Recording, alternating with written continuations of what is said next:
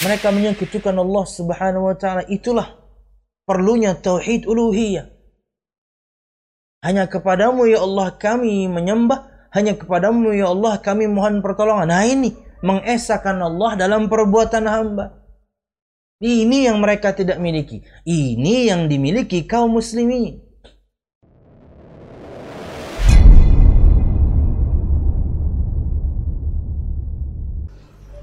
Assalamualaikum warahmatullahi wabarakatuh.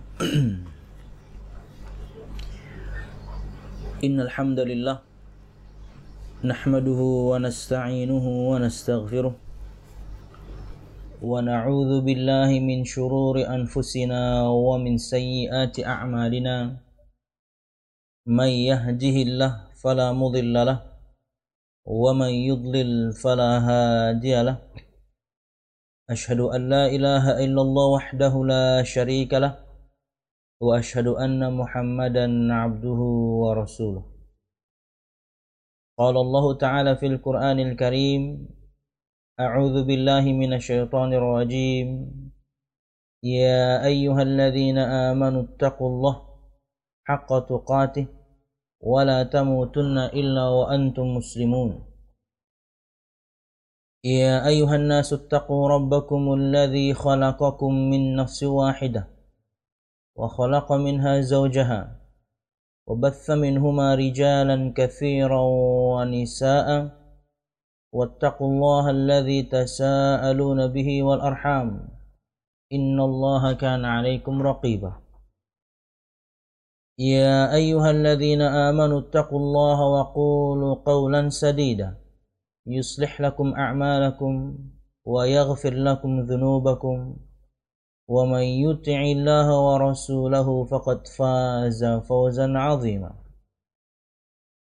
فإن أصدق الحديث كتاب الله وخير الهدي هدي محمد صلى الله عليه وسلم وشر الأمور محدثاتها فإن كل محدثة بدعة وكل بدعة ضلالة وكل ضلالة في النار أما بعد Al-Musyahidun Al-Kiram, para pemirsa yang dirahmati Allah Subhanahu wa taala. Alhamdulillah segala puji dan syukur marilah kita haturkan kepada Allah Subhanahu wa taala. Kemudian salawat serta salam semoga selalu tercurahkan pada junjungan besar Nabi kita Muhammad sallallahu alaihi wasallam juga beserta para sahabatnya, keluarganya dan segenap kaum muslimin yang selalu istiqamah berpegang teguh dengan Islam sampai hari kiamat kelak. Al-musyahidun al-kiram, para pemirsa yang dirahmati Allah Subhanahu wa taala, melanjutkan pembahasan kita pada kitab Syarah Al-Qawaid Al-Arba' karangan Syekh Saleh Fauzan bin Abdullah Al-Fauzan hafizahullah taala. Dan pada pertemuan yang lalu kita telah masuk pada bahasan kaedah yang pertama. Dan tentunya kita hanya membaca matan pada pertemuan yang lalu. Kita belum membaca keterangan Syekh Saleh Fauzan bin Abdullah Al-Fauzan hafizahullah taala. Oke. Okay. Uh, perhatikan al-musyahidun al-kiram halaman 37 untuk siapapun di antara pemirsa yang memiliki uh, terjemahannya. القاعدة الأولى أن تعلم أن الكفار الذين قاتلهم رسول الله صلى الله عليه وسلم مقرون بأن الله تعالى هو الخالق المدبر وأن ذلك لم يدخلهم في الإسلام.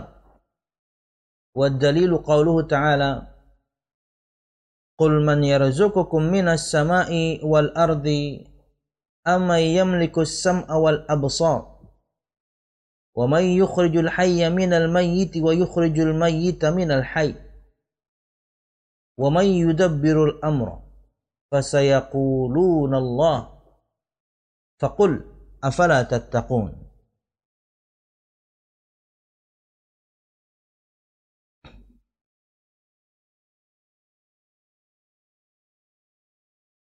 Kaidah pertama kamu harus mengetahui bahwa orang-orang kafir yang diperangi Rasulullah sallallahu alaihi wasallam juga mengakui bahwa Allah Subhanahu wa taala pencipta dan pengatur, Maha pencipta dan Maha mengatur segala sesuatu. Namun pengakuan itu disebutkan oleh Syekh di sini wa anna dzalika lam yudkhilhum fil Islam. Salah harokat itu ya. Namun pengakuan itu belum memasukkan mereka ke dalam Islam. Padahal mereka mengakui Allah Subhanahu wa taala Maha Pencipta. Padahal mereka mengakui Allah Subhanahu wa taala Maha mengatur segala urusan. Mereka mengesahkan Allah Subhanahu wa taala dalam perbuatan Allah. Mereka mengesahkan Allah Subhanahu wa taala pada tauhid rububiyah.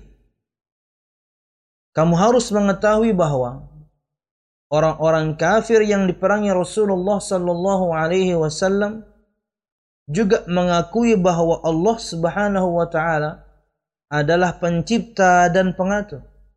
Maha pencipta dan maha mengatur segala sesuatu. Mereka mengakui itu. Namun pengakuan itu lam yudkhilhum fil Islam.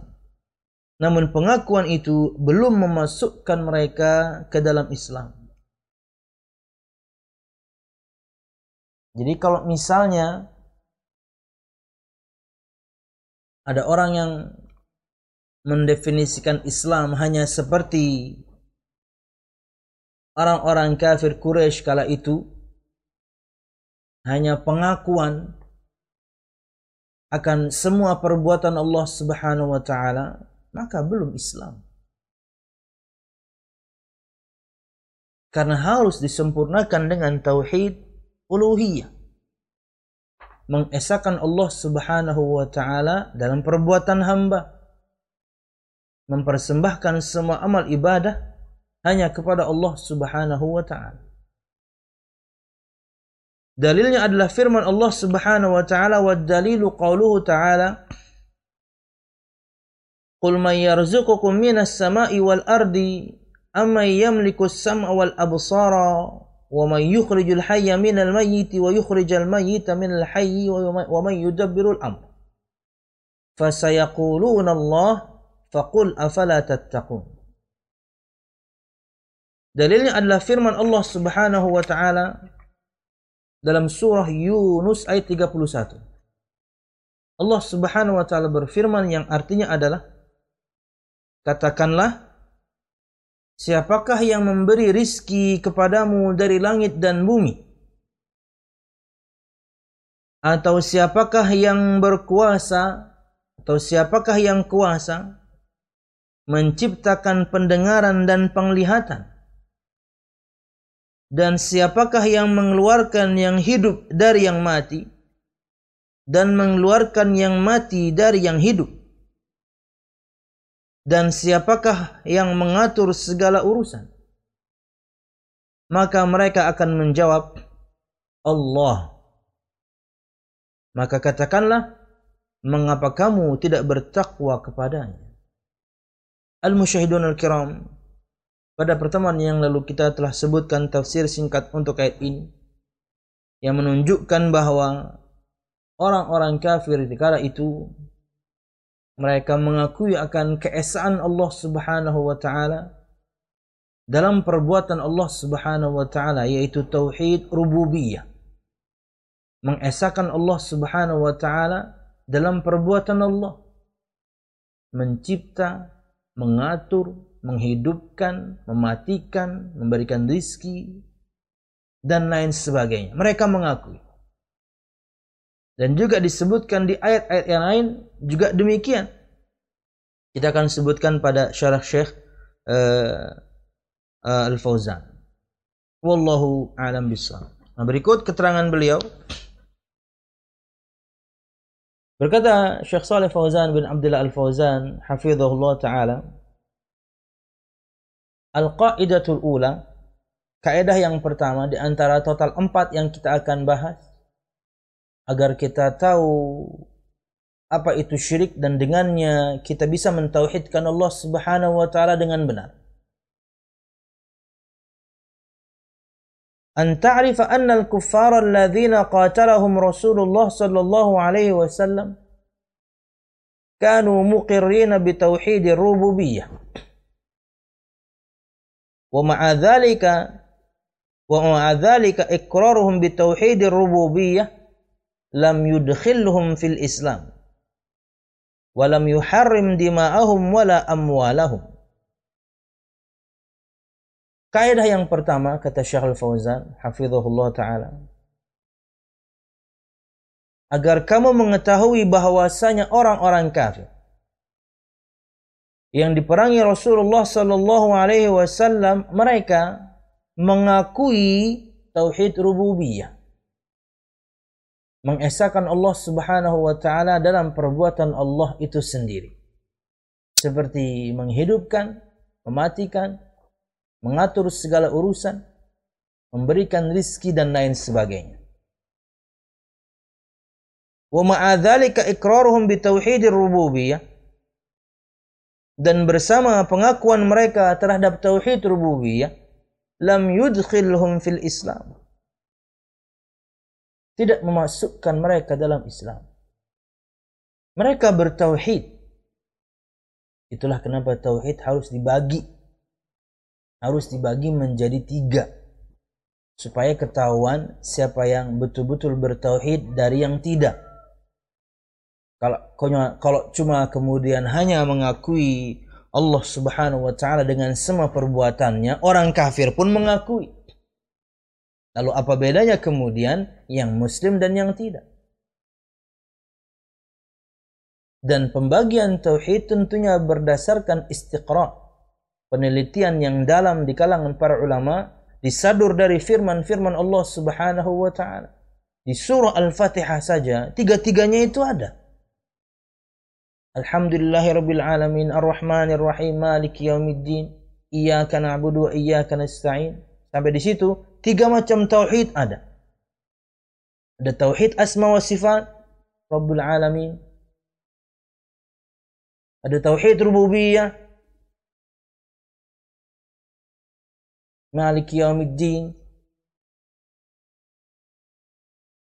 Ar-Rahman Ar-Rahim, sorry ada, ada tauhid asma sifat di Ar-Rahman Ar-Rahim. Ada tauhid rububiyah Rabb al-alamin, Maliki Yaumiddin. Dan ada tauhid uluhiyah. Iyyaka na'budu wa iyyaka nasta'in. Hanya kepadamu ya Allah kami menyembah, hanya kepadamu ya Allah kami memohon pertolongan. Jadi di Al-Fatihah saja tiga-tiganya sudah ada. Dan ini berdasarkan penelitian yang dalam. Karena kalau tidak, nanti tidak ada bedanya antara yang muslim dan yang tidak. Kalau hanya mengakui bahwasanya Allah Subhanahu wa taala maha segalanya ini, mengesahkan Allah dalam perbuatan Allah sendiri ya semua juga meyakini. Tapi mereka berbuat syirik, mereka menyekutukan Allah Subhanahu wa taala. Itulah perlunya tauhid uluhiyah. Hanya kepadamu ya Allah kami menyembah, hanya kepadamu ya Allah kami mohon pertolongan. Nah ini mengesahkan Allah dalam perbuatan hamba. Ini yang mereka tidak miliki. Ini yang dimiliki kaum muslimin. Ini yang semua kita miliki sebagai kaum muslimin. Mempersembahkan semua amal ibadah hanya kepada Allah. Jadi kata Syekh, dengan pengakuan mereka akan tauhid rububiyah tidak memasukkan mereka ke dalam Islam. Walam yuharrim dima'ahum wala amwalahum dan tidak mengharamkan darah mereka dan juga harta mereka untuk dibunuh untuk kemudian diambil. Karena kafir. Jadi boleh diperangi. Karena kalau sudah kemudian Islam, oh haram darahnya untuk ditumpahkan, haram hartanya untuk dirampas, haram kehormatannya untuk dijatuhkan. فدل على أن التوحيد ليس هو الإقرار بالربوبية فقط maka menunjukkan bahwa tauhid bahwasanya tauhid bukan cuma mengakui rububiyah Allah Subhanahu wa taala saja. Jadi tauhid itu bukan cuma mengakui semua perbuatan Allah saja, bukan. Wa anna syirka laisa huwa syirku fir rububiyyati faqat dan bahwasanya syirik pun bukan kemudian kesyirikan dalam rububiyah saja. Meyakini ada yang mencipta selain Allah, ada yang memberi rizki selain Allah, enggak. Bahkan orang kafir pun tidak melakukan itu. Bal laisa hunaka ahadun asyrak fir rububiyyah illa syawadzun syawadzun minal khalq. Bahkan, nah ini benar saja nih kata beliau. Laisa hunaka ahadun, tidak ada seorang pun di luar sana. Asyraka fir, fir rububiyyah berbuat syirik dalam perkara rububiyah enggak ada. Illa syawadzun minal khalq, kecuali orang-orang yang menyimpang, orang-orang yang nyeleneh karena orang kafir saja meyakini Allah pemberi rizki, pengatur segala urusan, pencipta. Orang kafir saja mengakui. Sampai kemudian ada yang meyakini ada pencipta yang lain, pemberi rizki yang lain, pengatur urusan yang lain. Itu hanya orang yang error. Syawat, saya terjemahkan error sajalah. Syad, nyeleneh, nyimpang. Jadi nyimpangnya tuh nyimpang banget. Karena orang kafir saja mengakui. Wa illa fakullul umami tuqiru bitauhid rububiyyah. Jadi hanya orang yang nyeleneh saja yang sampai menyekutukan Allah Subhanahu wa taala dalam tauhid rububiyah.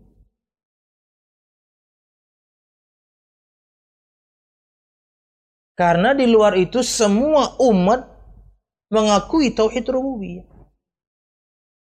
Hanya orang-orang tertentu yang nyeleneh saja. Menyimpang saja. Yang sampai berbuat syirik kepada Allah subhanahu wa ta'ala dalam tauhid rububiyah. Orang kafir aja enggak. Wa tauhidur rububiyah huwa al-iqraru bi Allah huwa al-khaliqur razzaqul muhyil mumitul mudabbir.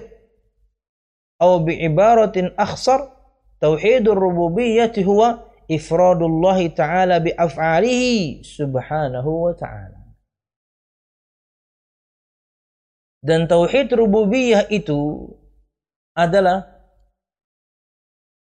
ikrar, pengakuan bahwasanya Allah Subhanahu wa taala adalah Maha Pencipta, Maha Pemberi rizki, menghidupkan, mematikan, mengatur segala urusan atau dengan ibarah atau dengan definisi yang lebih eh, ringkas kata Syekh Tauhid rububiyah adalah mengesahkan Allah Subhanahu wa taala dalam perbuatan-perbuatannya Subhanahu wa taala. Mengesahkan Allah dalam perbuatan Allah itulah tauhid rububiyah. Meyakini bahwasanya Allah Subhanahu wa taala Maha Pencipta, pemberi rizki, menghidupkan, mematikan, mengatur segala urusan. Orang kafir pun meyakini itu.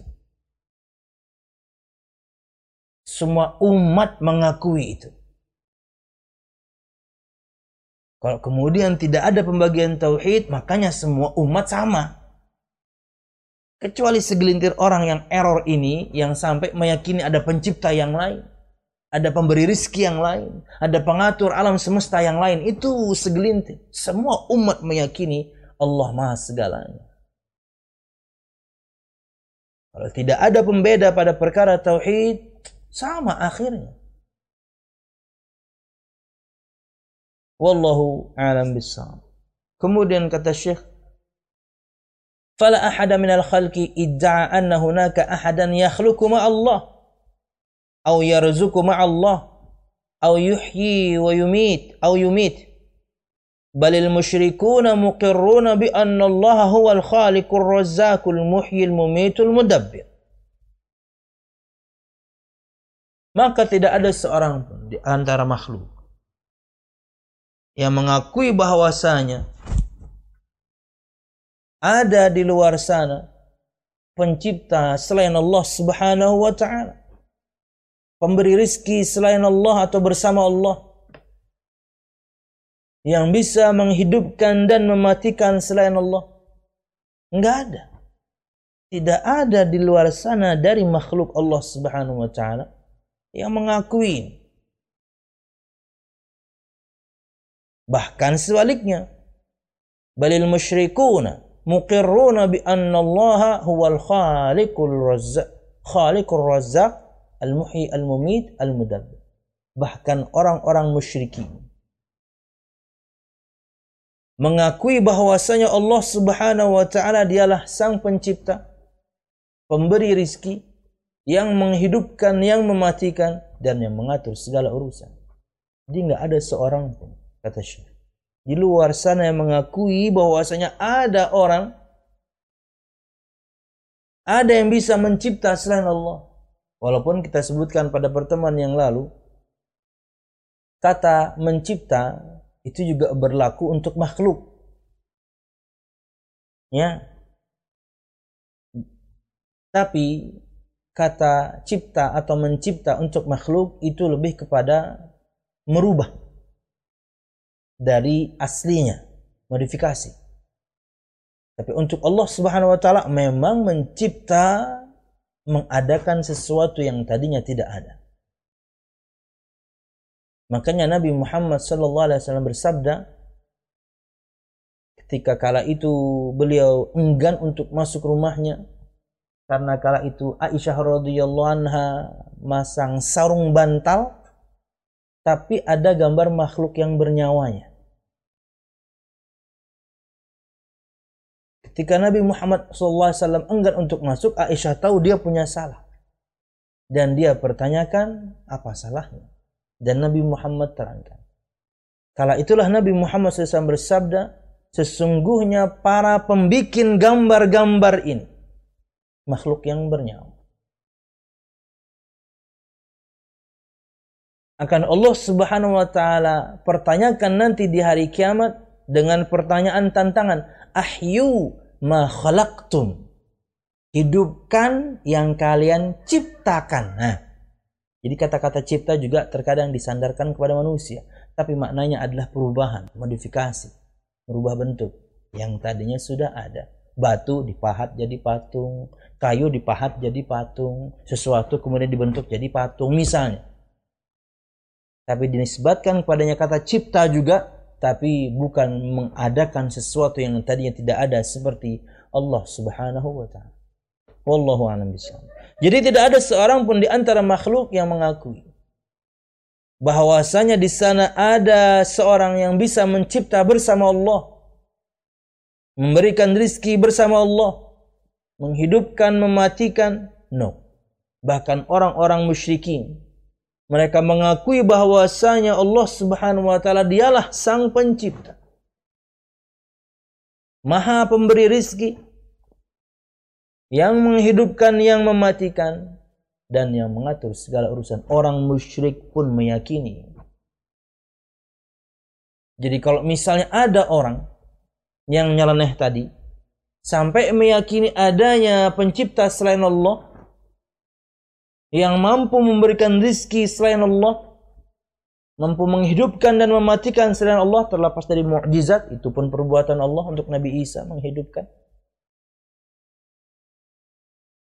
Maka dia berarti lebih parah akidahnya dibandingkan orang-orang musyrikin kafirin di zaman Nabi Muhammad sallallahu alaihi wasallam. Makanya sering ulun menyampaikan kalau misalnya kita sampai takut akan rizki meninggalkan yang haram, ah, postingan tadi pagi ya, Bit. Meninggalkan yang haram takut akan rizki. Lalu siapa yang kemudian menafkahi atau siapa yang kemudian atau bagaimana saya bisa menafkahi anak saya dan istri saya? Lah, mereka semuanya sudah Allah tanggung lewat Anda. Tapi Anda harus mencari yang halal dengan cara yang halal untuk Anda asupkan ke anak dan istri. Kenapa Anda takut? Sering kita menyampaikan faedah ini. Kalau terseok-seok, iya. Susah dulu, repot dulu, ya iya dong. Puluhan tahun Anda makan yang haram. Maka jalanan terjal dulu yang Anda harus hadapi. Biasa gaji 20-30 juta, sekarang penghasilan cuma 300 ribu sebulan. Gimana Anda memanagenya? Tersiap-siap dulu. Tapi halal, tapi berkah cukup. Kalau sampai kemudian Na'udzubillah, hilang keyakinan itu Allah yang maha memberikan rizki, Anda lebih parah dibandingkan orang kafir Quraisy. Karena mereka saja meyakini Allah yang memberikan rizki, maha mencipta, menghidupkan, mematikan, mengatur segala urusan. Orang musyrik saja meyakini itu. Kenapa kita tidak? Perhatikan firman Allah Subhanahu wa taala dalam surah Luqman ayat 25. Allah Subhanahu wa taala berfirman, "Wala in sa'altahum man khalaqas samawati wal arda la yaqulunna Allah."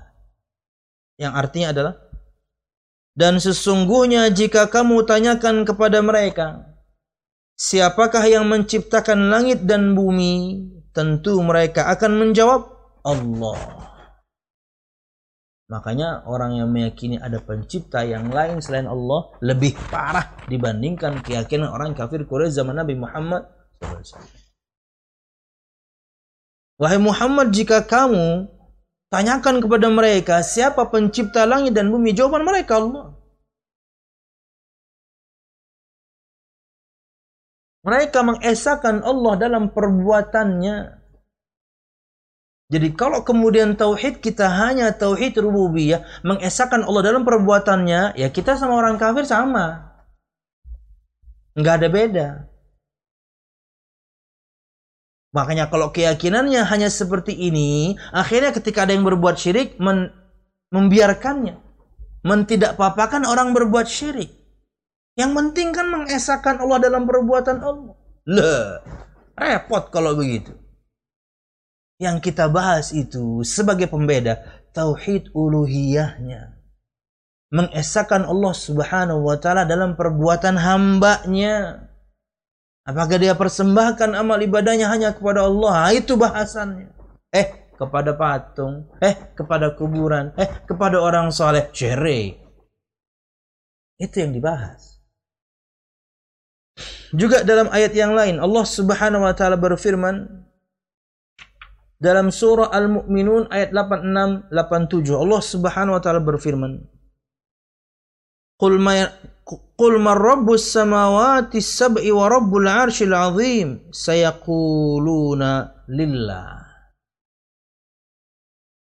Yang artinya adalah katakanlah siapakah yang empunya? Langit yang tujuh dan siapa yang empunya? Arash yang besar yang agung. Siapa yang memiliki? Mereka akan menjawab kepunyaan Allah tujuh lapis langit tujuh lapis bumi siapa yang punya Allah yang punya ini orang kafir ini siapa yang memiliki arash yang megah yang agung Allah Bahkan fitrah mereka mengatakan Allah Subhanahu wa taala bersemayam di atas arsy. Kan gitu. Ini fitrah manusia. Sering saya mencontohkan dengan selebrasi uh, para uh, penggiat olahraga misalnya. Mau olahraga apa pun kalau sudah menang gitu ya juara ngegolin atau juara apa gitu ya. Lihat ekspresi mereka. Jika mereka menyambut sorak-sorai penonton dengan ketika mereka menengadah ke langit bahkan dengan menunjuk terkadang itu orang kafir orang kafir aja begitu ya sering lihat ya iya beda dong ketika mereka menyambut sorak-sorai penonton. Atau kalau misalnya kasusnya di F1 atau MotoGP biasanya podiumnya tinggi mereka menyambut sorak-sorai kru atau penonton ke bawah. Beda. Itu orang kafir. Kalau muslim meyakini Allah di mana-mana Allah di diri kata masing-masing ya lebih parah dong dibandingkan orang kafir simple aja kenapa itu fitrah manusia orang yang mungkin misalnya jauh dari agama saja atau minim sekali misalnya pemahaman tentang agamanya saja Itu refleks kok mereka mengatakan, ya terserah yang di atas. Begitu. Orang awam. Ini ustadznya malah nggak paham. Allah alam bisa. Oke. Kemudian disebutkan oleh beliau di sini Iqra'ul ayat min akhir suratil mu'minun tajiduna anna al-musyrikina kanu muqirrina bitauhidir rububiyyah وكذلك في سورة يونس قال تعالى قل ما يرزقكم من السماء والأرض أما يملك السماء والأبصار ومن يخرج الحي من الميت ويخرج الميت من الحي ومن يدبر الأمر فسيقولون الله. فهم مقرون بهذا. Kata Syekh maka bacalah ayat-ayat di akhir surah Al-Mu'minun. Niscaya kamu akan mendapatkan bahwasanya orang-orang musyrikin mereka mengakui tauhid rububiyah. Dan juga di surah Yunus yang menjadi bahasan kita yang menjadi matan oleh Syekh Muhammad bin Abdul Wahab dalam kaidah pertama ini inilah ayat yang beliau gunakan untuk di matannya. Yaitu firman Allah Subhanahu wa taala dalam surah Yunus ayat 31 Allah berfirman yang artinya adalah katakanlah Siapakah yang memberi rizki kepadamu dari langit dan juga bumi? Air hujan, tumbuh-tumbuhan? Atau siapakah yang kuasa menciptakan pendengaran dan penglihatan? Nikmat. Hingga kemudian kita bisa mendengar. Nikmat. Hingga kemudian kita bisa melihat. Ini Allah yang ciptakan semuanya. Dengan kekomplekannya. Kompleks. Dengan, eh, dengan jaringan yang sangat kompleks mata ini. Dan juga keunikan telinga dengan pendengaran dengan gendang telinga itu. Allah yang ciptakan semuanya. Dan siapakah yang mengeluarkan yang hidup dari yang mati? Dan sebaliknya mengeluarkan yang mati dari yang hidup. Banyak hal tentunya. Contoh mudah ya telur jadi ayam. Kan gitu. Dan nanti kemudian semua kita Allah bangkitkan kembali ketika dibangkitkan di padang mahsyar. Udah mati kita, dihidupkan kembali. Allah semuanya yang bisa melakukan. Kemudian siapakah yang mengatur segala urusan? Terbitnya matahari, tenggelamnya, munculnya bulan, hilangnya, munculnya bintang gemintang, macam-macam, mengatur segala urusan berputarnya waktu, berputarnya hari, berputarnya bulan. Dan segala urusan.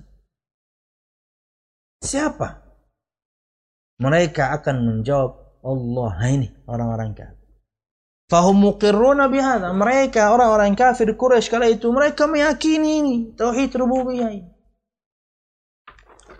Syekh melanjutkan, فليس التوحيد هو الإقرار بتوحيد الربوبية كما يقولون كما يقول ذلك علماء الكلام والنظار في عقائدهم. فإنهم يقرون بأن التوحيد هو الإقرار بأن الله هو الخالق الرزاق المحيي المميت. فيقولون واحد في ذاته لا قسيم له واحد في صفاته لا شبيه له واحد في أفعاله لا شريك له. وهذا هو توحيد الربوبية.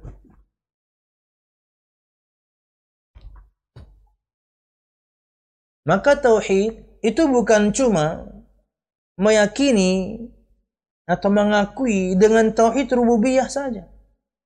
Sebagaimana yang dikatakan oleh para ulama ahli kalam, ahli fil filsafat dalam akidah-akidah mereka.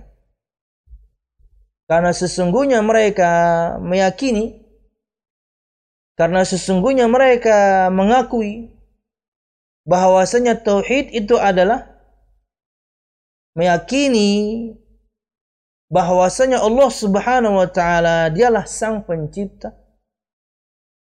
sang atau yang maha memberikan rizki yang menghidupkan yang mematikan dan mereka mengatakan Allah itu esa dalam zatnya tidak ada kemudian yakni qasim tidak bisa yakni tidak bisa diduakan.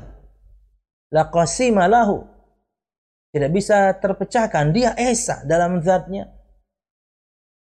Wahidun fi sifati la syabiha lahu. Esa dalam sifatnya. Tidak ada yang serupa dengannya.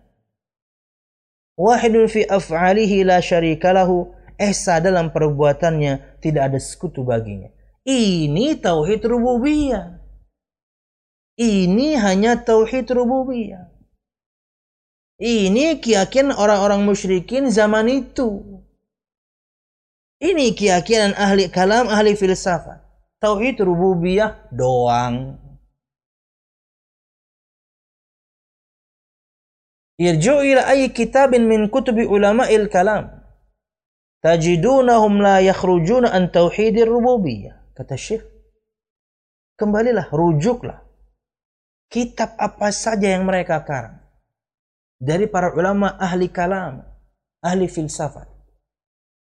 Maka kamu akan dapatkan kata Syekh bahwasanya definisi mereka keyakinan mereka pengakuan mereka tidak keluar dari tauhid rububiyah itu doang mengesahkan Allah dalam perbuatan Allah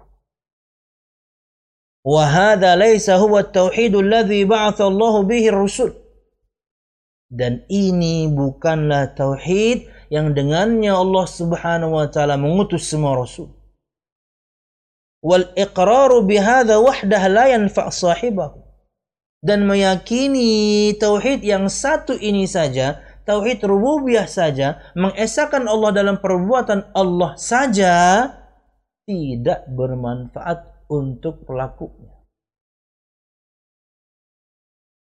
Lianna hadza aqarra bihil musyrikuna wa sanadidul kafarah karena keyakinan seperti ini orang musyrik pun meyakininya. Karena keyakinan seperti ini orang kafir pun meyakininya.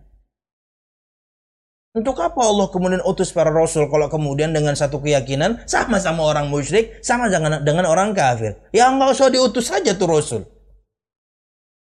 Kenapa? Yang disampaikan sama aja kok. Nggak ada gunanya diutusnya para rasul. Makanya kata Syekh, dan ini bukan tauhid yang dengannya Allah mengutus semua para rasul. Walam yukhrijuhum minal kufr. Dan tidak mengeluarkan mereka dari kekufuran mereka. Walam yudkhilhum fil Islam. Dan tidak memasukkan mereka dalam Islam. Fahadha ghalatun azimun. Maka ini adalah kesalahan yang besar hanya meyakini tauhid rububiyah, hanya mengesahkan Allah dalam perbuatan Allah. Bukan itu tauhid yang Allah utus dengan yang para rasul. Karena kalau cuma itu, apa bedanya dengan keyakinan orang-orang musyrikin dan kafirin? Karena mereka meyakini itu, tapi tidak mengeluarkan mereka dari kekafiran mereka. Karena mereka meyakini itu, tapi tidak membuat mereka masuk ke dalam Islam.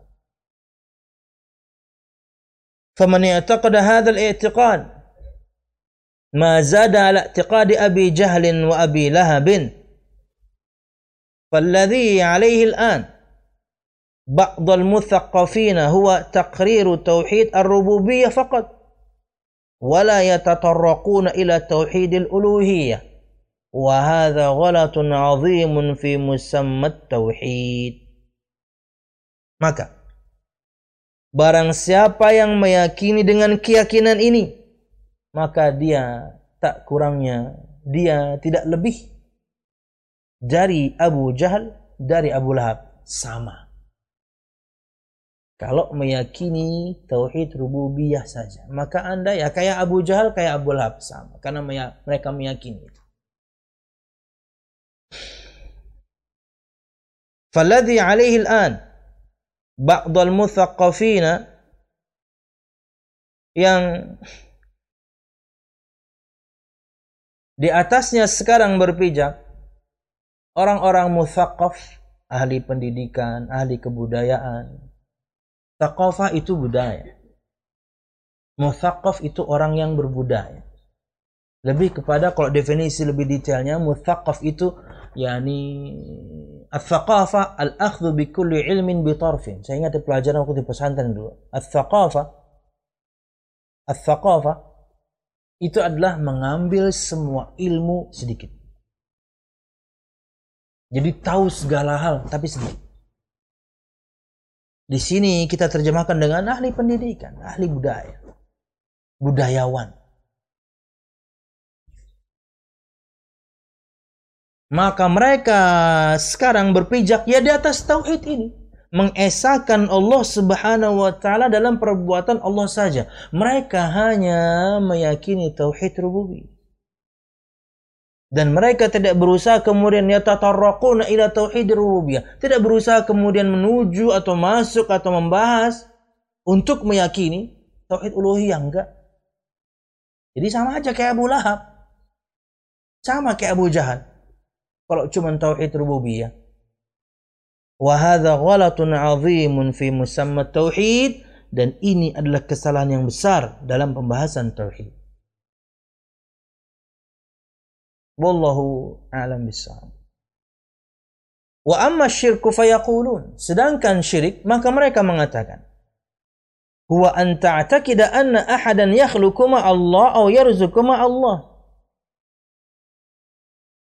Bahwasanya syirik itu adalah engkau meyakini ada seseorang yang mencipta bersama Allah, ada seseorang yang memberikan rezeki bersama Allah. Itu syirik namanya.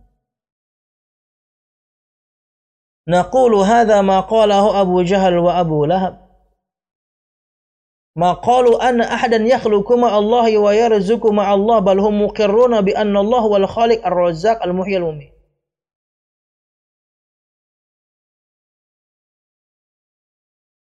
Ini yang dikatakan Abu Jahal dan Abu Lahab kalau begini.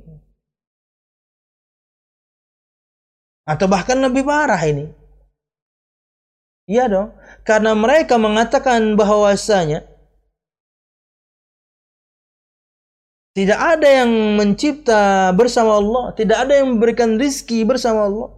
Mereka meyakini bahwasanya Allah yang maha mencipta, yang maha memberikan rizki, yang menghidupkan mematikan. Jadi lebih parah kalau misalnya meyakini syirik hanya seperti itu. Anda meyakini ada pencipta bersama atau selain Allah, ada pemberi rizki bersama atau selain Allah. Abu Jahal, Abu Lahab aja nggak kayak gitu. Mereka tidak mengatakan ada seorang yang bisa mencipta selain Allah. Mereka tidak mengatakan ada yang bisa memberikan rizki selain Allah. Mereka meyakini dalam perbuatan Allah. Kata Syekh,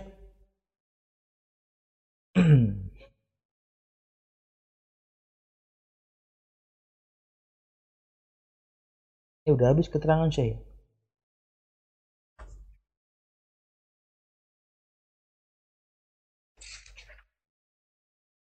Iya, sudah selesai. Wallahu alam bisawab. Maka kalau misalnya seseorang meyakini tauhid hanya rububiyah saja, yaitu mengesahkan Allah Subhanahu wa taala dalam perbuatan Allah itu sendiri, maka orang musyrikin pun melakukannya.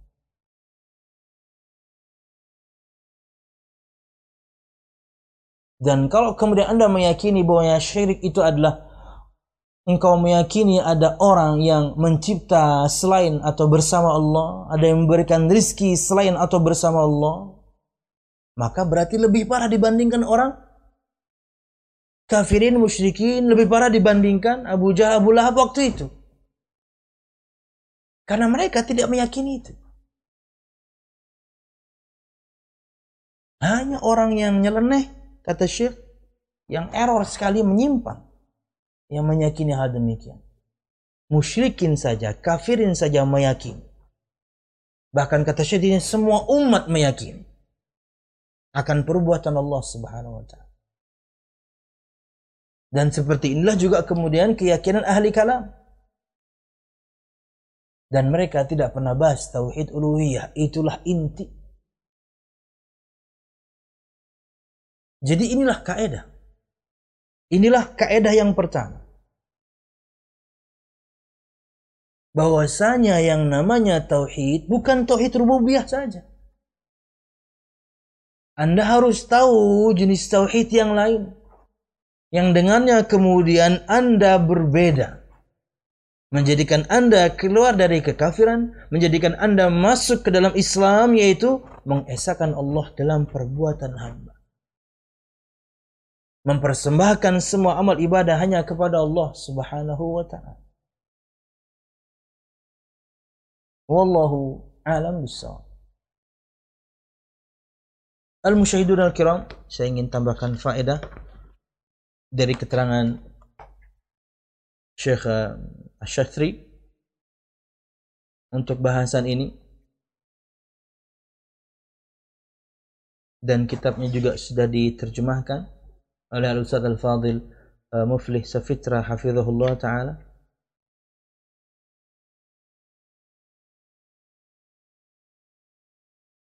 Kata Syekh, maka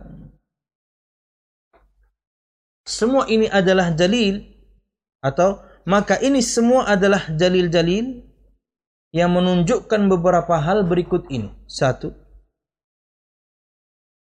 pengakuan terhadap tauhid rububiyah tidak cukup tanpa tauhid uluhiyah.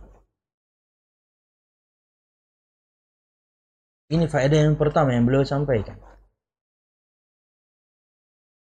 Dan inilah keterangan tambahan tentunya yakni yang tidak ada di Syekh Saleh Fauzan. Beliau terangkan secara umum. Syekh Fathri berikan poin. Pengakuan terhadap tauhid rububiyah tidak cukup tanpa tauhid uluhiyah.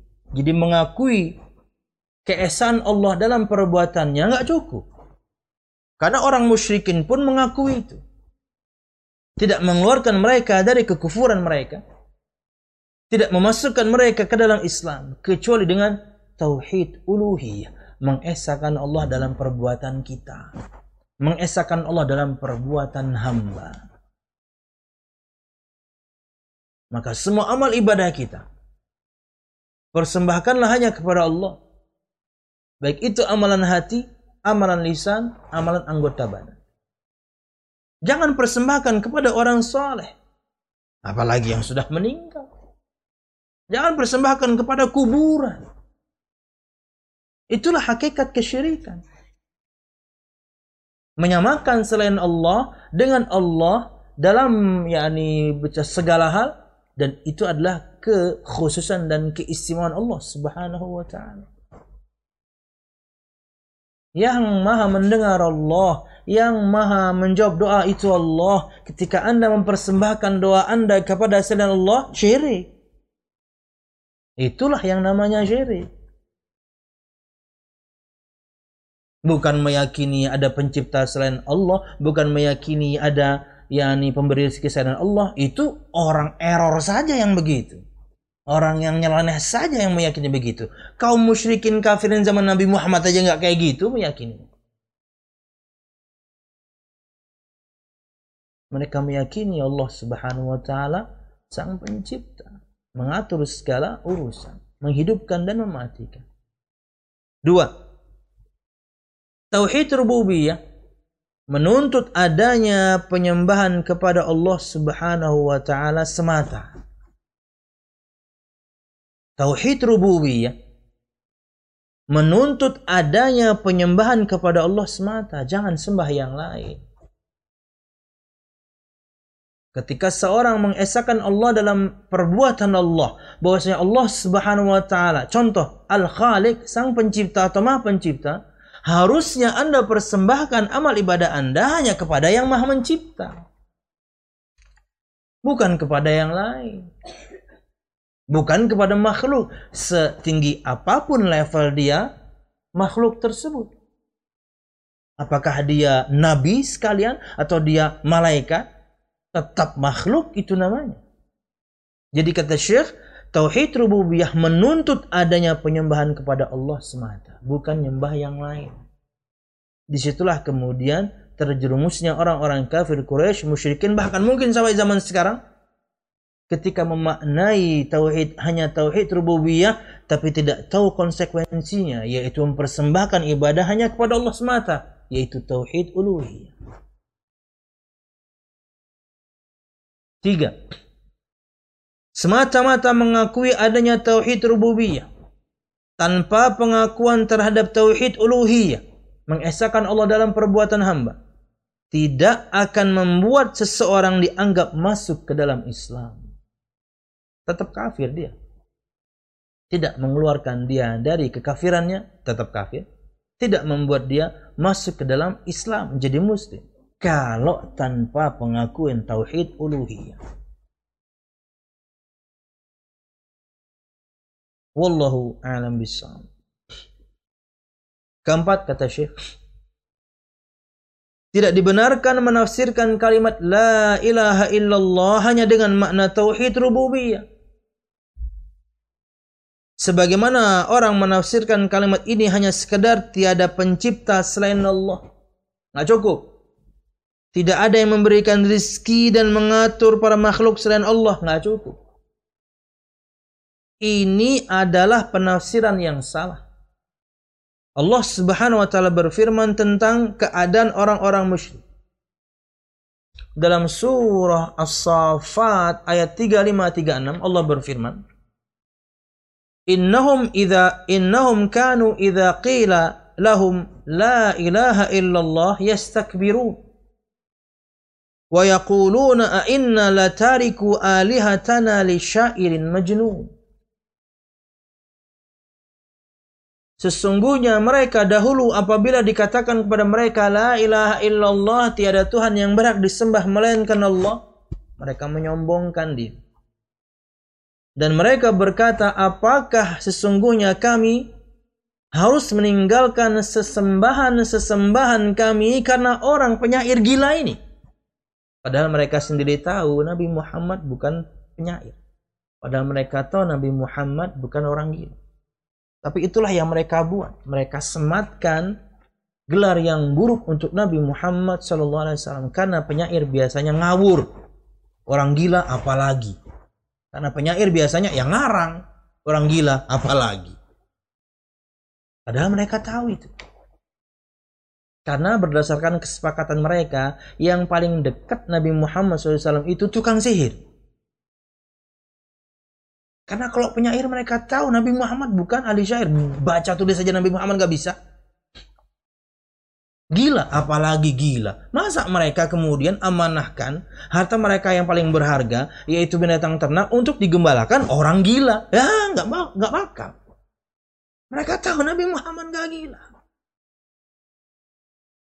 Kata Al-Walid bin Mughirah, yang paling dekat, lakop buruk yang bisa kita sematkan untuk si Muhammad SAW, ya tukang sihir. Padahal dia juga tahu Nabi Muhammad bukan tukang sihir. Tapi itu yang paling dekat. Hingga kemudian dia utus semuanya untuk kemudian menjaga di perbatasan kota agar menghabarkan kepada siapa pun yang ingin masuk ke Mekah dengan satu berita hati-hati di Mekah ada orang namanya Muhammad dia ngaku nabi dia hati-hati jangan dengerin dia dia tukang sihir Pokoknya jangan dengerin dia. Kamu kalau dengarkan dia, kamu bisa berpisah dari keluargamu. Kamu bisa cerai dari istrimu. Kenapa? Dia tukang sihir. Itu yang paling bisa mereka kemudian sematkan untuk Nabi Muhammad SAW. Tapi nggak mempan ya. Nggak mempan. Apalagi kemudian penyair gila. Apalagi. Mereka sebarkan Nabi Muhammad tukang sihir raja orang tetap mendengarkan Nabi Muhammad kok. Dan juga ada yang tidak sih. Wallahu alam bisawab. Kata Syekh, kesombongan mereka tidak lain karena mereka mengetahui bahwa makna kalimat la ilaha illallah itu sebenarnya adalah mengesahkan Allah dalam peribadatan dan penyembahan serta tidak memalingkan kepada yang lain. Mereka tahu ini padahal. Cuman mereka sombong. Ketika dikatakan la ilaha illallah mereka tahu maknanya. Makanya Nabi Muhammad kala itu pernah marahkan kepada seorang sahabat ketika dia sudah memojokkan seorang kafir dalam sebuah peperangan dan orang itu kemudian tiba-tiba mengatakan la ilaha illallah dan tetap dia tebas kepalanya. Kenapa? Karena orang kafir waktu itu tahu makna ini. Kalau sudah mengatakan la ilaha illallah berarti la ma'budah bihaqqin illallah. Tidak ada sesembahan yang berhak untuk disembah selain Allah. Tidak Tuhan yang berak di semasa Mereka tahu makna itu ketika mengatakan La ilaha illallah. Tetap ditebas sama sahabat. Makanya Nabi Muhammad marah. Aqataltahu ba'da an qala la ilaha illallah. Apa kamu tetap bunuh dia padahal dia telah mengatakan la ilaha illallah? Sahabat ini membela dia. Usamah lebih tepat. Ya Rasulullah innama qalaha ta'awudhan. Wahai Rasul, dia mengatakan yang demikian. Itu karena ta'awud saja. Karena berlindung saja. Supaya saya nggak tebas kepalanya. Oh, asyaqaqta qalbah. Kata Nabi Muhammad, apa kamu sudah belah dadanya? Maksudnya, apa kamu tahu isi hatinya? Kan kamu nggak tahu isi hatinya. Kita menghukumi orang itu hanya secara zahir. Dia bersyahadat, oh muslim berarti selesai. Muslim berarti. Dan Usamah menyesal luar biasa. Dan dia berharap kala itu belum masuk Islam. Kenapa? Karena dimarahi Nabi Muhammad itu sangat menyakitkan. Orang paling sabar sejagat raya marah kepada Anda. Berarti kesalahan Anda sangat fatal. Wallahu alam bisa. Kesombongan mereka tidak lain karena mereka mengetahui bahwa makna kalimat la ilaha illallah sebenarnya adalah mengesahkan Allah dalam peribadatan dan penyembahan serta tidak memalingkannya kepada yang selainnya. Tahu mereka ini. Tapi mereka menyombongkan diri. Makanya Nabi Muhammad sampai marah dengan cerita yang tadi. Karena mereka tahu maknanya ketika mengatakan la ilaha illallah. Itu parahnya ini sebagian di antara kaum muslim maknanya dia nggak tahu. Syahadat dia tapi syirik perbuatannya. Syahadat dia tapi doanya kepada yang lain selain Allah. Syahadat dia tapi amalnya dia persembahkan kepada yang lain selain Allah. Berarti kan nggak faham makna syahadat.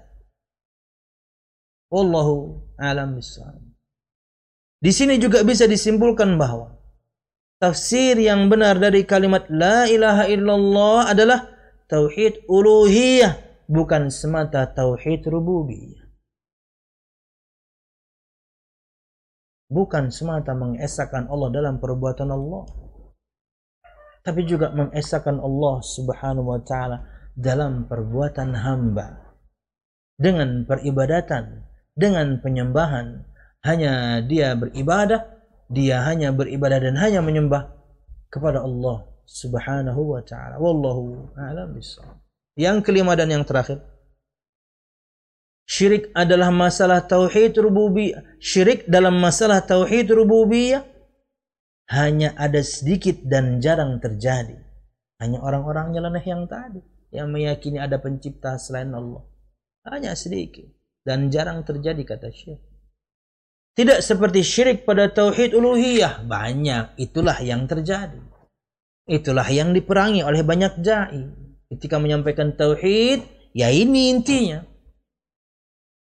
Karena dalam tauhid rububiyah semua kita mengesahkan, tapi dalam tauhid uluhiyah itulah sebagian kaum muslimin ada penyimpangan. Karenanya tujuan pengutusan para nabi dan rasul adalah untuk memperingatkan manusia dari syirik dalam tauhid uluhiyah. Mempersembahkan ibadah kepada selain Allah itu yang menjadi tujuan dakwah Nabi dan Rasul supaya ibadah Anda hanya Anda persembahkan kepada Allah. Allah berfirman, "Walaqad ba'atsna fi kulli ummatin rasulan an i'budullah wajtanibut taghut." Berapa tuh? An-Nahl 36 ya. Pokoknya ada di Quran deh. Dan ayatnya nomor 36. Lupa saya surah apa ya. Allah Subhanahu wa taala berfirman, "Dan telah kami utus pada setiap umat zaman generasi seorang rasul." Untuk apa? Agar dia menyeru, "Ubudullah, sembahlah Allah Subhanahu wa taala saja." Semua dakwah Nabi dan Rasul sama. Semua dakwah Nabi dan Rasul sama. Untuk menyeru untuk semua mereka agar hanya mempersembahkan semua amal ibadah mereka kepada Allah, hanya menyembah Allah. Karenanya tujuan pengutusan para nabi dan rasul adalah untuk memperingatkan manusia dari syirik dalam tauhid uluhiyah karena mereka menyembah yang lain, mempersembahkan amal kepada yang lain kepada selain Allah Subhanahu wa taala. Para nabi dan rasul tidak banyak bersentuhan langsung dalam dalam dakwah mereka dengan tauhid rububiyah kecuali sebatas untuk mengenalkan Allah dan mengajak manusia untuk menetapkan dan mengakui tauhid uluhiyah. Jadi sedikit bahasan mereka akan rububiyah karena orang udah tahu. Tapi untuk lebih mengenalkan, memastikan, memantapkan dan tujuannya untuk menyampaikan agar mereka mengakui tauhid uluhiyah, mempersembahkan amal ibadah hanya kepada Allah. Hal ini dikarenakan orang-orang di zaman itu juga juga menetapkan tauhid rububiyah ini maka dari itu mereka tidak terlalu butuh untuk didakwahi, untuk mendakwahi manusia dalam masalah ini kecuali pada saat memang dibutuhkan sedikit. Karena orang musyrikin sudah mengakui tauhid rububiyah. Maka bahasan mereka enggak banyak. Tauhid uluhiyahlah inti dakwah mereka agar mereka tidak berbuat syirik dalam tauhid uluhiyah. Menyamakan selain Allah dengan Allah dalam perkara yang itu adalah kekhususan Allah dan keistimewaan Allah Subhanahu wa taala. Wallahu a'lam bissawab. Ini yang bisa kita sampaikan. Mudahan bermanfaat salah dan khilaf ulum mohon maaf. Mudahan kajian kita diberkahi Allah Subhanahu wa taala. Amin.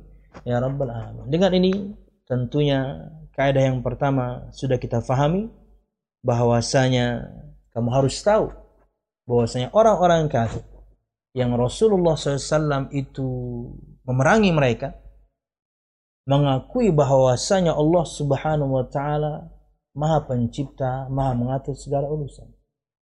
Dan bahwasanya itu semuanya tidak membuat mereka masuk dalam Islam. Karena itu hanya tauhid rububiyah. Mereka tidak keluar dari kekafiran mereka dan mereka tidak masuk ke dalam Islam karena mereka menyekutukan Allah dalam tauhid uluhiyah. Karena jika ditanya siapa yang menghidupkan mematikan, jawabannya Allah. Memberikan rizki dari langit dan bumi, jawabannya Allah. Menciptakan, mengatur segala urusan, jawaban mereka Allah. Ini kaidah pertama. Jadi jangan sampai kemudian kita terjerumus kepada kesyirikan kepada Allah dalam tauhid uluhiyah karena kita hanya meyakini. Karena orang kafir meyakini. Abu Jahal, Abu Lahab meyakini. Itulah Kenapa kita harus belajar kaedah ini? Kaedah memahami tauhid di saat yang sama kaedah memahami syirik juga. Wallahu a'lam bishawab. Ini yang bisa kita sampaikan. Mudahan bermanfaat salah dan khilaf. Ulun mohon maaf. Mudahan kajian kita diberkahi Allah Subhanahu wa taala. Amin. Ya rabbal alamin.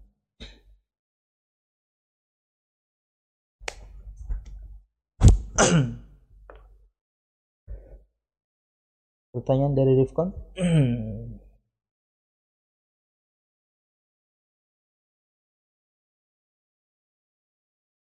Assalamualaikum Ustadz, bagaimana hukumnya bekerja di toko di warung sembako yang juga menjual rokok? Semoga Allah Subhanahu wa taala berikan Anda kemudahan untuk mencari pekerjaan di tempat yang lain. Karena secara tidak langsung atau bahkan langsung Anda bagian dari tolong menolong dalam kemaksiatan kepada Allah Subhanahu wa taala. Tidak sedikit kaum muslimin yang mereka juga ingin ikut franchise atau ikut waralabanya minimarket minimarket yang ramai ini, tapi mereka terhalang karena semuanya menjual rokok. Perkara yakni yang buruk. Dan mau tidak mau Anda berarti tolong menolong nah ini dalam yakni dosa ketika ingin mendaftar untuk kemudian ikut waralabanya tapi kemudian kita punya persyaratan saya nggak mau jual rokok ya mereka nggak mau perusahaan karena penghasilan di antara terbanyak dari situ. Wallahu a'lam semoga Allah mudahkan anda untuk kemudian mencari rizki yakni di tempat yang lain.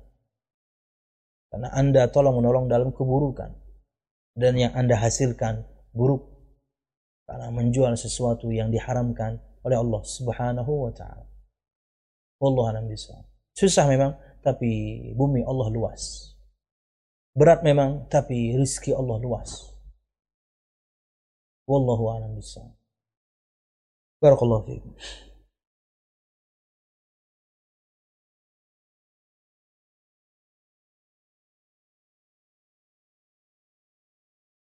Bagaimana cara ketika berhadapan dengan orang yang ketika disampaikan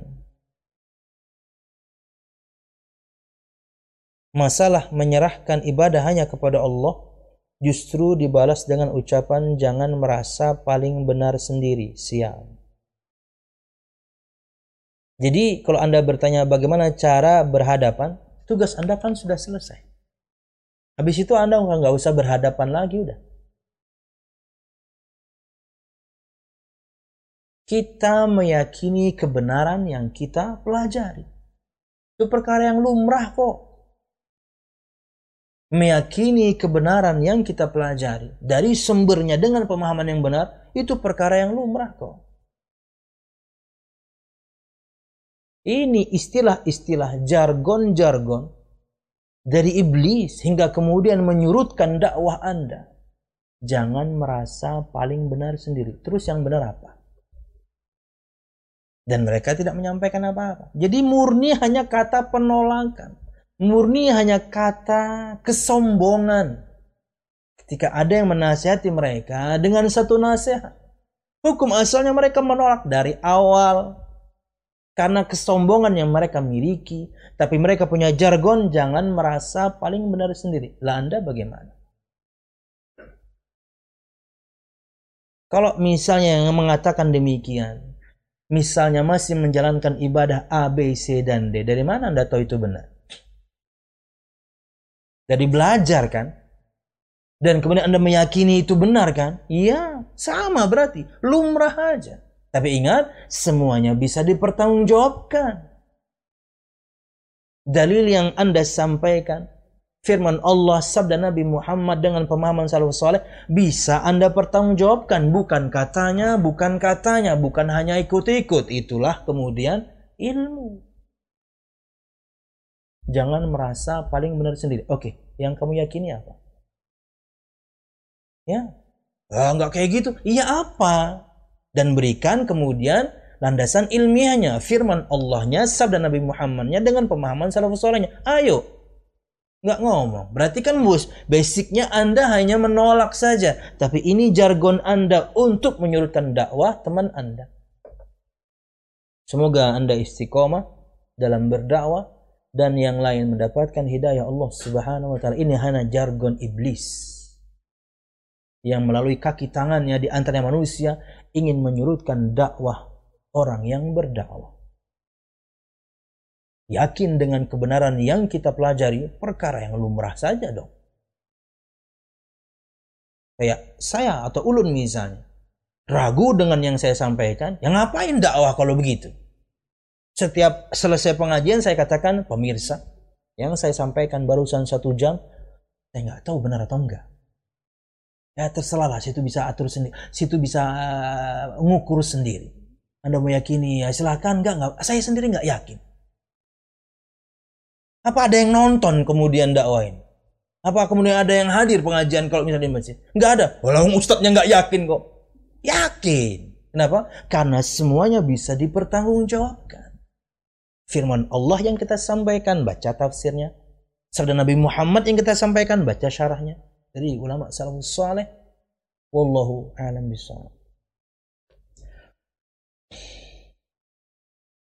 Kemudian ada pertanyaan kemarin nih Pip, gak apa ya? Karena baru kebuka nih. Wah, panjang lagi nih. Assalamualaikum Ustaz, Waalaikumsalam. Kami sembilan bersaudara. Semasa abah kami hidup, abah ada memberikan surat hibah tanah kepada salah satu saudara perempuan kami. Akan tetapi untuk bangunan di atasnya dijadikan sidin sebagai rumah kami bersama. Sampai meninggal, saudara perempuan kami tinggal di sana bersama keluarganya. Sepeninggal beliau, kami sepakat mau menjual rumah tersebut. Kami mau menanyakan bagaimana hukum mantan suami yang belum mau pindah dari rumah mereka bersama tersebut. Mengingat sudah lima tahun yang lalu saudara perempuan kami meninggal dan belum ada tanda-tanda mau meninggalkan rumah. Jika bangunan di atasnya dijual, adakah hak anak dari almarhumah satu orang perempuan? Maaf Ustaz, pertanyaannya banyak. Bukan banyak, panjang. Barakallahu fikum. Apa saja yang ditinggalkan orang tua Anda itu adalah warisan ketika beliau hidup kemudian beliau memberikan hadiah itu namanya hibah dan itu harus rata Posisikan Anda sekarang sebagai orang tua dan Anda punya harta. Dan ketika Anda hidup Anda ingin memberikan hadiah kepada anak Anda maka rata harus sama. Walaupun mungkin dengan porsi yang berbeda bisa jadi. Harus dikasih semua anak laki-laki perempuan. Baju baju semua. Tapi biasanya dengan uang 100 ribu baju perempuan nggak kebeli. 200 ribu. Tapi semuanya dapat hadiah baju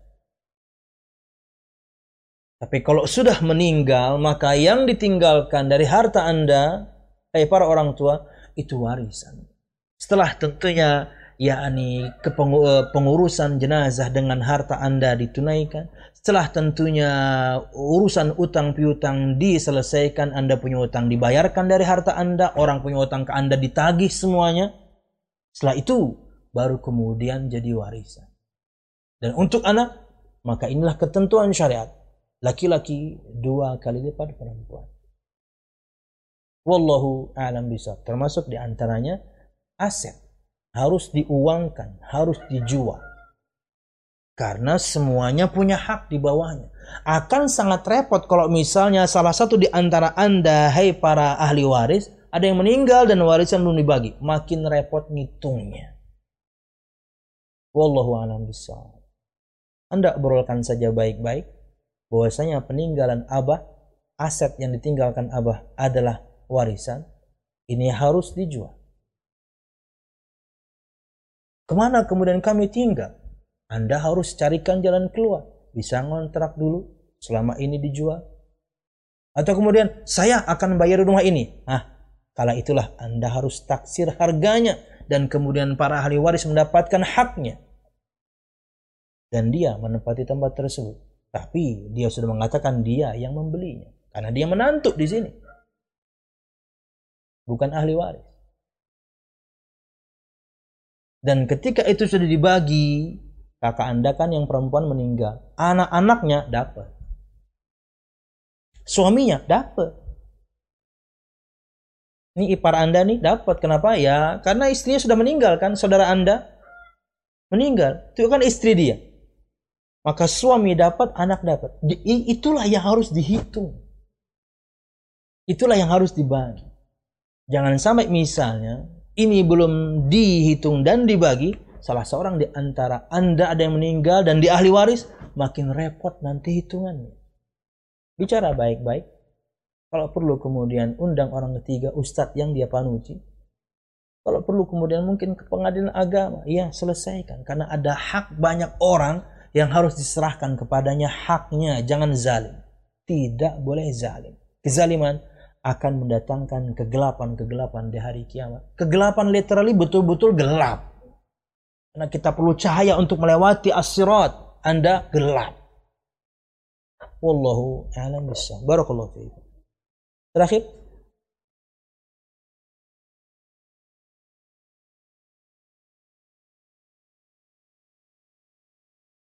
Assalamualaikum Ustaz. Waalaikumsalam. Apakah menundukkan pandangan dengan niat agar dapat istri salehah itu masuk pada niat ibadah bukan selain Allah?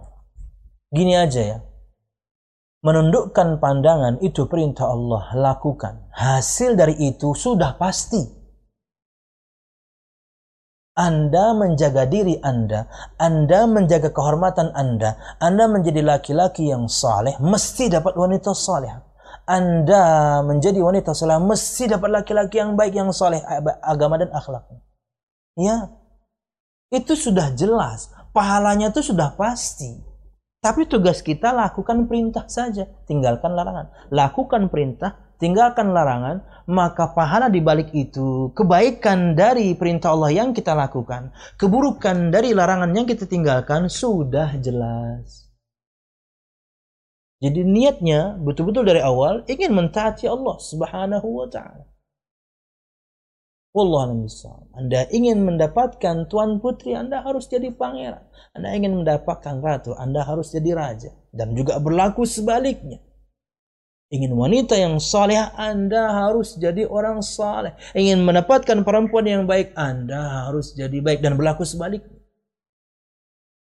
Perintah Allah lakukan, larangan Allah tinggalkan, di antaranya ada perintah kita untuk menundukkan pandangan. Hasil dari perintah pasti kita dapatkan itu. Oh, sudah, sudah satu paket lah kasarnya. Tidak ada satu perintah kata Syekh As-Sa'di, tidak ada satu perintah kecuali di balik di baliknya begitu banyak manfaat menanti dan tidak ada satu larangan kecuali di baliknya begitu banyak keburukan juga menanti. Itu sudah pasti. Maka taati Allah Subhanahu wa taala, perintahnya lakukan, larangannya tinggalkan, hasil dari itu pasti sudah ada.